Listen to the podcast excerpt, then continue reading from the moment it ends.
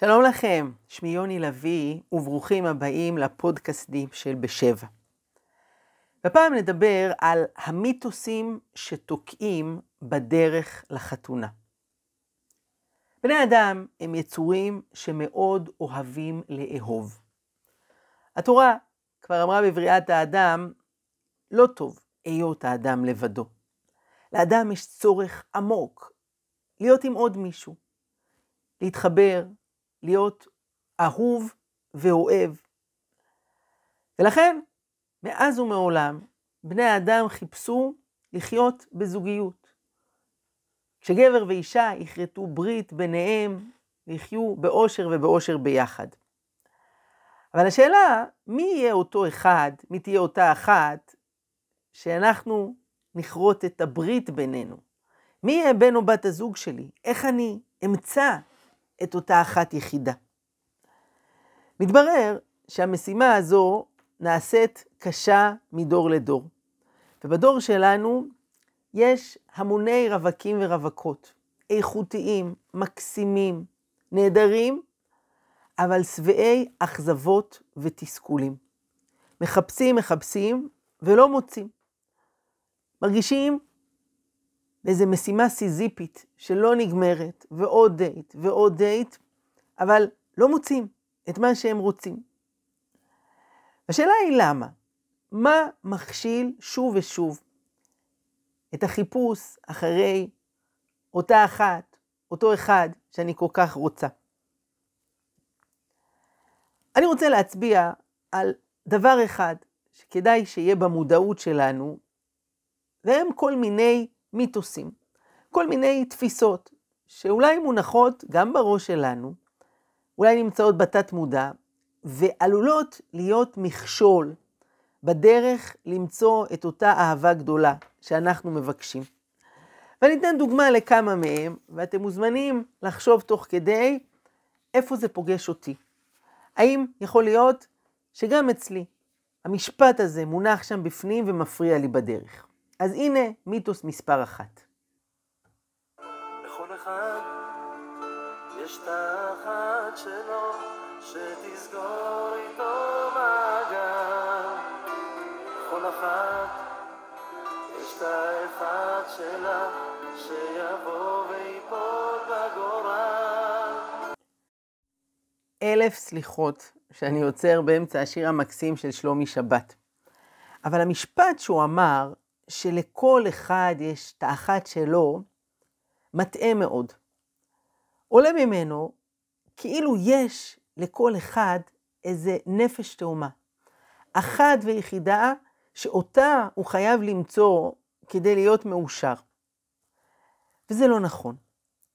התפיסה, כאילו בעולם של שבעה מיליארד אנשים, יש רק אחת שהיא החצי השני שלי.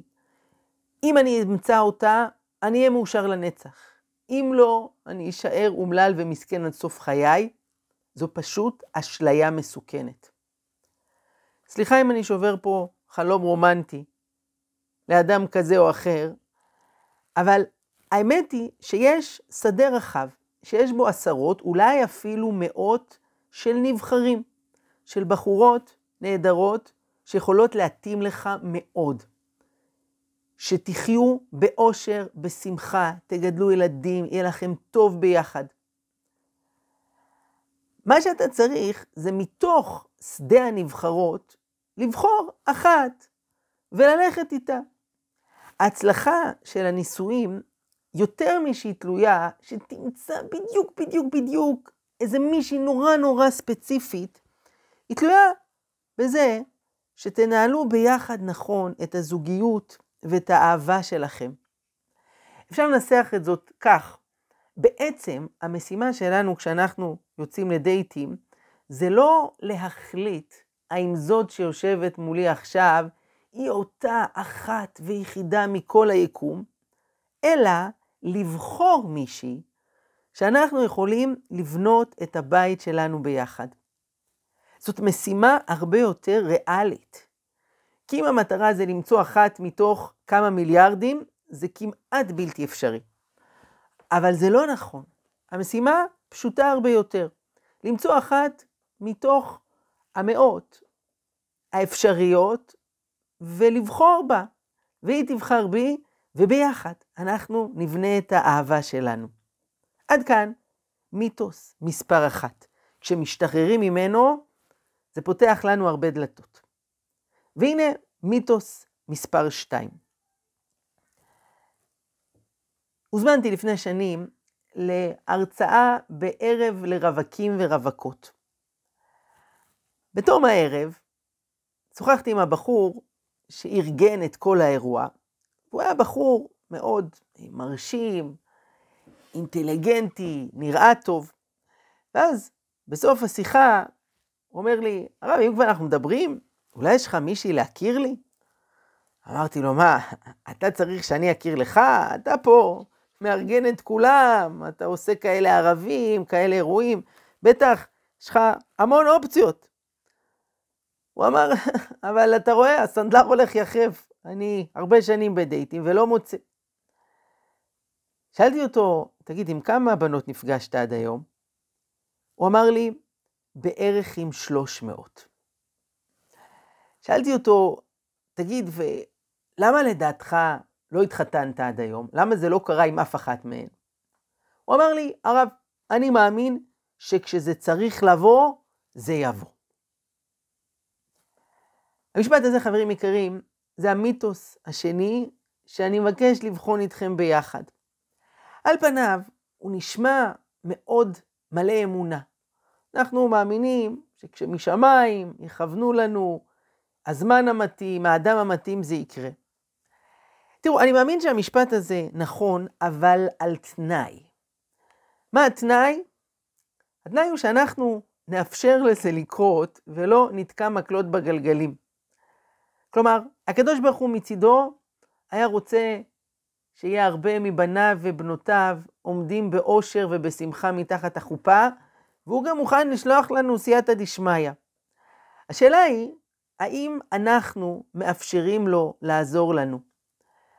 או שאולי, בלי כוונות זדון, יש אצלנו כל מיני מחסומים, כל מיני תפיסות שעלולות לתקוע אותנו בדרך.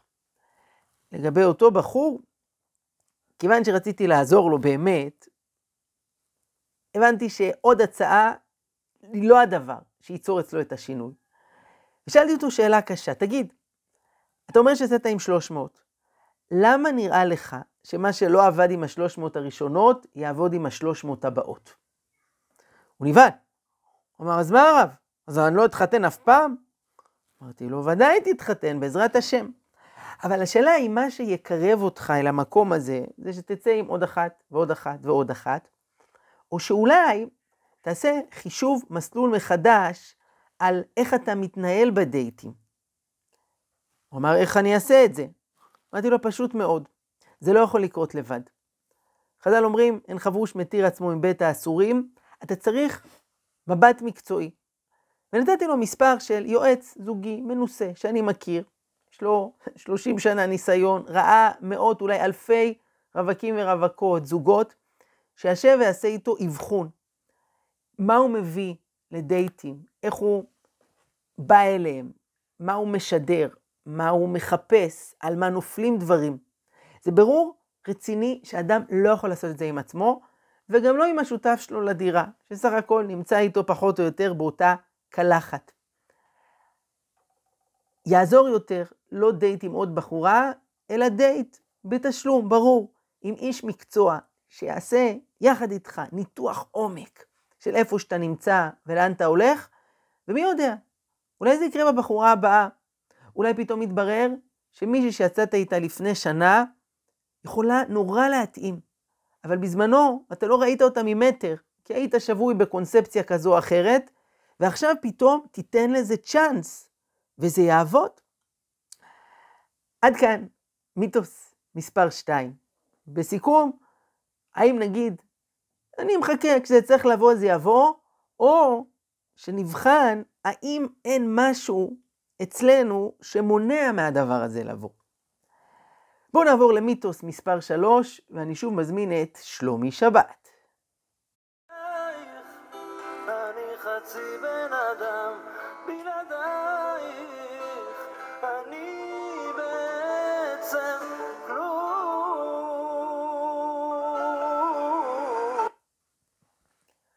מה דעתכם על המשפט הזה? בלעדייך אני חצי בן אדם. בלעדייך אני בעצם כלום. שלומי היקר, ממש ממש לא. רווק הוא לא חצי בן אדם, בטח שהוא לא כלום. רווק הוא אישיות מלאה, פורייה, תורמת, משמעותית. זו בעיה שאנשים שוכחים לפעמים שיש לרווקים חיים חוץ מאשר לצאת לדייטים. ויש להם עוד משימות בחיים מלבד מלמצוא חתן או כלה. יהיה מאוד נחמד מצדכם, חברים יקרים, שכשאתם פונים אל חבר או חברה רווקים שיש לכם, לא תתעניינו רק בתחום האחד. נו, מה חדש אצלך? יש לך מישהו? אלא נשאל אותם גם, איך הולך לך בעבודה? אתה מרוצה מהמכונית החדשה שקנית? וגם, וואו, החולצה החדשה שלך מקסימה. אה, רוצה לקפוץ אליי לאיזה כוס קפה מחר בערב? תתעדכן, מה נשמע, מה קורה איתך? לא לצמצם את האישיות של האדם רק לרווק או לרווקה. יש בהם הרבה מעבר לזה. וכנ"ל גם לרווקים ורווקות מצד עצמם. אם אני נמצא במצב נפשי שבו אני מרגיש שעניין מציאת בן או בת הזוג הוא ממלא את כל עולמי, זה מה שמעסיק אותי, זה מה שאני חושב עליו כל הזמן, אולי כדאי לקחת פסק זמן. לא טוב להיות לחוץ חתונה. לא טוב שזה יהיה הדבר המרכזי שאני יושב עליו כל הזמן. אני זוכר, היה לי פעם חבר רווק ותיק, שכל הזמן התעסק בזה. מישהו פעם אמר, באיזה שעה השבת יוצאת? עכשיו עם מי יוצאת? זה אוטומטית היה אסוציאציה שעלתה לו לראש.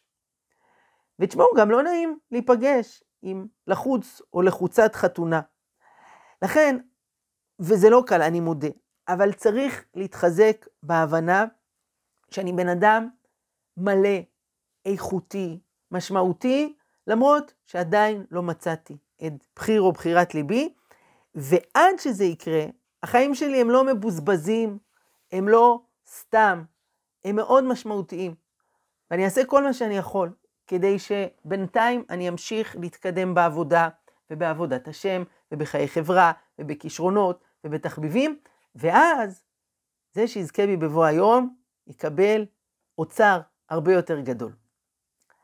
עד כאן מיתוס מספר 3, והנה הרביעי.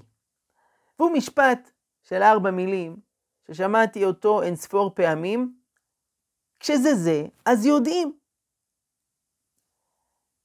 סליחה שאני אומר, אבל מי שאומר משפט כזה, כנראה צפה ביותר מדי סדרות רומנטיות דביקות בטלוויזיה. מה לעשות שבחיים האמיתיים זה לא עובד ככה. הרבה זוגות, הרוב, הגיעו אל ההחלטה הגדולה בחיים שלהם כשמשהו בלב שלהם רעד. שאדם שמולם הוא לא היה בעיניהם מושלם. הם ראו את החסרונות שיש בו ואת החסרונות שיש בקשר. מי שמחכה לתחושה של שלמות טוטאלית, לבן זוג פרפקט, ימשיך לחכות לנצח, ככל הנראה. אדרבה, אם אני יוצאת עם מישהו והכל נראה לי מושלם והוא נהדר, מוסך על עמותיי, הכל בדיוק כמו שרציתי, יש חשש, גברתי היקרה, שאת מסונוורת, שאת מאוהבת, ויכול להיות שאת מפספסת פה דברים קריטיים. ויום אחד, כשפתאום תגלי אותם, תהיי מאוכזבת מאוד. לכן, כשמגיעים אל רגע ההחלטה, מה צריך שיהיה ומה לא צריך? כן צריך שיהיה ביטחון ואמון באדם שאיתי, שאנחנו מסוגלים לעשות את הצעד הבא ביחד. להתגבר על קשיים, לבנות בינינו אהבה עמוקה, לחיות באושר, לגדל ילדים. האם צריך לשמוע את הבת קול מהדהדת? האם צריך להרגיש התאהבות סוחפת שמגיעה עד קצות האצבעות? האם צריך להרגיש שאני נמצא בקשר מושלם עם אדם מושלם? התשובה היא לא. ומי שיתעקש על זה, עלול להישאר תקוע ולהפסיד הזדמנויות נהדרות למצוא אהבה גדולה. והנה חברים, מיתוס חמישי ואחרון. משפט ששמעתי מהרבה בנות שאומרי, שאומרות, בנים כל הזמן פוסלים על מראה חיצוני. יש בזה, מן האמת, שהמון קשרים נופלים בגלל הקטע החיצוני, אבל לא רק מצד הבנים, גם מצד הבנות. ונודע על האמת שזה קשור לתרבות, לעולם שאנחנו חיים בו, ששם דגש עצום על הנראות החיצונית. כולנו ראינו סרטים כאלה ואחרים בחיים, אנחנו רגילים מהתקשורת למודל מאוד מסוים של יופי, של רף גבוה של נראות חיצונית, וכשאנחנו יוצאים לדייטים, אז אנחנו כל הזמן מזפזפים בין הבחורה הנחמדה שנמצאת איתי עכשיו, שנראית בסדר, אבל היא לא מדהימה, היא לא עומדת ברף של הכוכבת שראיתי אתמול בטלוויזיה, או אפילו זאת שמגישה את מהדורת החדשות. וצריך לדעת, מראה חיצוני הוא חשוב, אנחנו לא מזלזלים בו. חז"ל אומרים, אסור להתחתן אם אין חיבור למראה החיצוני, צריך שתהיה גם משיכה פיזית, חשוב, אבל צריך להיות מודעים לכך שכל הזמן יש לנו בראש מודלים מאוד גבוהים של יופי, וזה מקרין על היכולת שלנו להתחבר לאנשים אמיתיים. אני רוצה להשמיע לכם קטע מדהים, הוקלט מתוך תוכנית ברדיו של היכרויות. היום כבר אין כמעט את זה, פעם היה, תקשיבו, זה אותנטי לגמרי. טוב, ספר לי בכמה מילים על עצמך, על האישיות, על הבן אדם. אחלה, סבבה. אני בן 23 מאזור המרכז, אני נקרא מאזור המרכז זה נתניה. אמרת, אמרת. אוקיי. אחלה. אני... על האופי, על האופי, על הבן אדם. על האופי. כן. עליי יאנו? בוודאי. או על הבחורה? לא, לא, עליך בינתיים. סבבה. אני... מטר... אה, לא, לא, על האופי, אחי. אישיות, לא מטר. נו, איך אתה רוצה שאני אגיד לך? ספר לי מה, אתה חושב על האישיות של עצמך, על האופי. קצת אה, שנכיר אותך יותר. איך אני. נראה יאנו? לא, לא. אתה מגדיר את האופי שלך. נראה טוב. אוקיי. נראה באמת ממש טוב, זה נו... אין אה, זה. אני מבין. ממש טוב. כן, סבבה. רוצה אתה לתת פרטים? למה לא? בכיף. אה, יש לה עיניים חומות, כן. יש לי שיער שחור, כן. אה, אני רזה ככה בינוני. מה שמדהים בבחור הזה, שכשהמנחה שואל אותו, תאר את האופי שלך, זה לא שהוא אומר, אני חלש בהגדרות, אני לא יודע בדיוק להגיד, הוא לא מבין את השאלה. מבחינתו האופי זה שהוא מטר שמונים, הוא גבוה. זה לא יאמן עד כמה אדם יכול להיות שבוי בכל הקטע החיצוני, ולהחמיץ שמאחורי הפרצוף היפה יש אישיות, יש אופי, יש נשמה. אז לענייננו, חברים יקרים, יש חשיבות למראה החיצוני, ומי שיודע על עצמו שזה מאוד קריטי בשבילו, שיבדוק גם לפני, רוצה לראות תמונה, זה לגיטימי בעיניי. יחד עם זאת צריך לדעת שיש פער עצום בין תמונה לבין הדבר האמיתי, אדם עם כל החיוניות, כל מה שהוא משדר באישיות שלו. לצד זה, אני אתן פה טיפ. נגיד יצאנו לדייט ראשון, שני, ומה נגיד, לא יפיפיית עולם, הוא לא חתיך תבל, אבל נראים בסדר. אני מציע לתת צ'אנס, לא לפסול. ראיתי שוב ושוב ושוב, אנשים שהתלבטו על זה ונתנו צ'אנס, ואז גילו שככל שהם מכירים יותר את האדם, הם מתחברים גם אל המראה החיצוני שלו.